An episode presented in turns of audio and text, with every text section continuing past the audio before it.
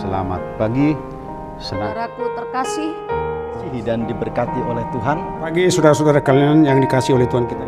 Jemaat dikasih Tuhan, Selamat pagi Bapak Ibu jemaat yang dikasihi Tuhan.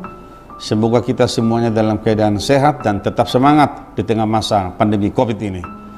Saudaraku kita akan disapa oleh firman Tuhan hari ini yang tertulis dalam kitab Roma pasal 8 ayat yang ke-17 yang berbunyi demikian. Dan jika kita adalah anak, maka kita juga adalah ahli waris. Maksudnya orang-orang yang berhak menerima janji-janji Allah yang akan menerimanya bersama-sama dengan Kristus, yaitu jika kita menderita bersama-sama dengan Dia, supaya kita juga dipermuliakan bersama-sama dengan Dia. Sekali saya bacakan, dan jika kita adalah anak, maka kita juga adalah ahli waris.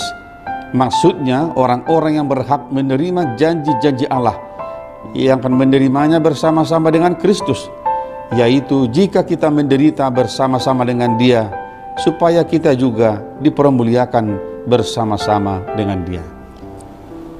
Saudara dikasihi Tuhan Yesus Kristus, status kita sebagai anak-anak Tuhan itu tidak lahir dari sebuah pengakuan dan pernyataan kita secara manusiawi.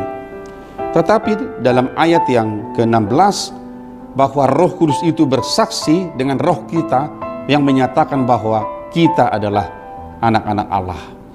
Dan ayat sebelumnya berkata bahwa setiap orang yang dipimpin oleh roh Allah, mereka adalah anak-anak Allah. Saudaraku, menjadi sebuah perlindungan bagi kita hari ini, apakah hidup kita sudah dipimpin oleh roh Allah? Sehingga kita berani berkata bahwa kita adalah anak-anak Allah.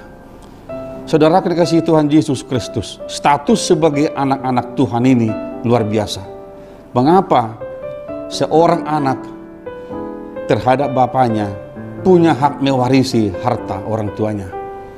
Lebih jauh daripada itu firman Tuhan katakan bahwa setiap orang yang telah menjadi anak-anak Allah, mereka berhak menerima janji-janji Allah, keselamatan dan hidup yang kekal.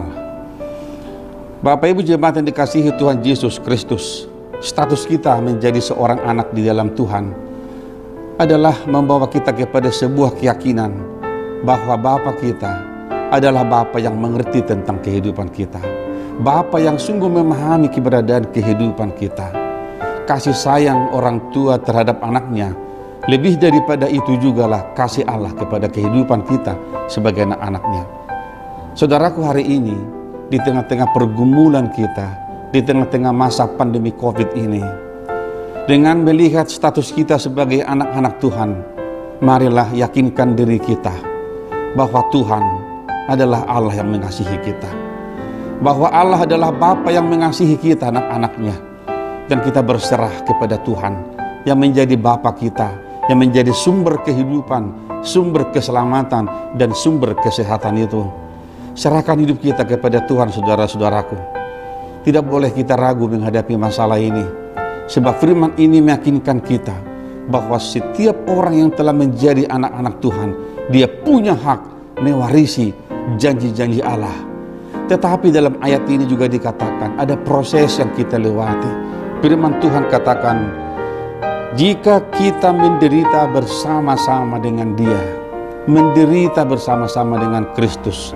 Saudaraku, penderitaan kita hari ini dan mungkin untuk beberapa bulan ke depan di tengah masa pandemi Covid ini, mari lihat penderitaan Kristus jauh lebih berat.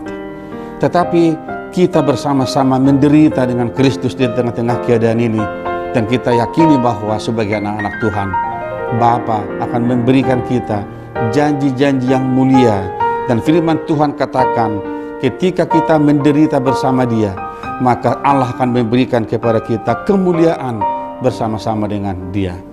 Saudaraku hari ini kita akan melanjutkan kehidupan kita. Mari berserah kepada Tuhan menyerahkan seluruh kehidupan kita, mempercayakan seluruh kehidupan kita kepada Allah sebagai Bapa, sebab kita adalah anak-anaknya yang dikasihinya, yang dituntunnya, yang dipeliharanya di dalam kasih roh kudus. Kiranya hari ini kita boleh menjalani hari kehidupan kita dengan penuh semangat dan sukacita.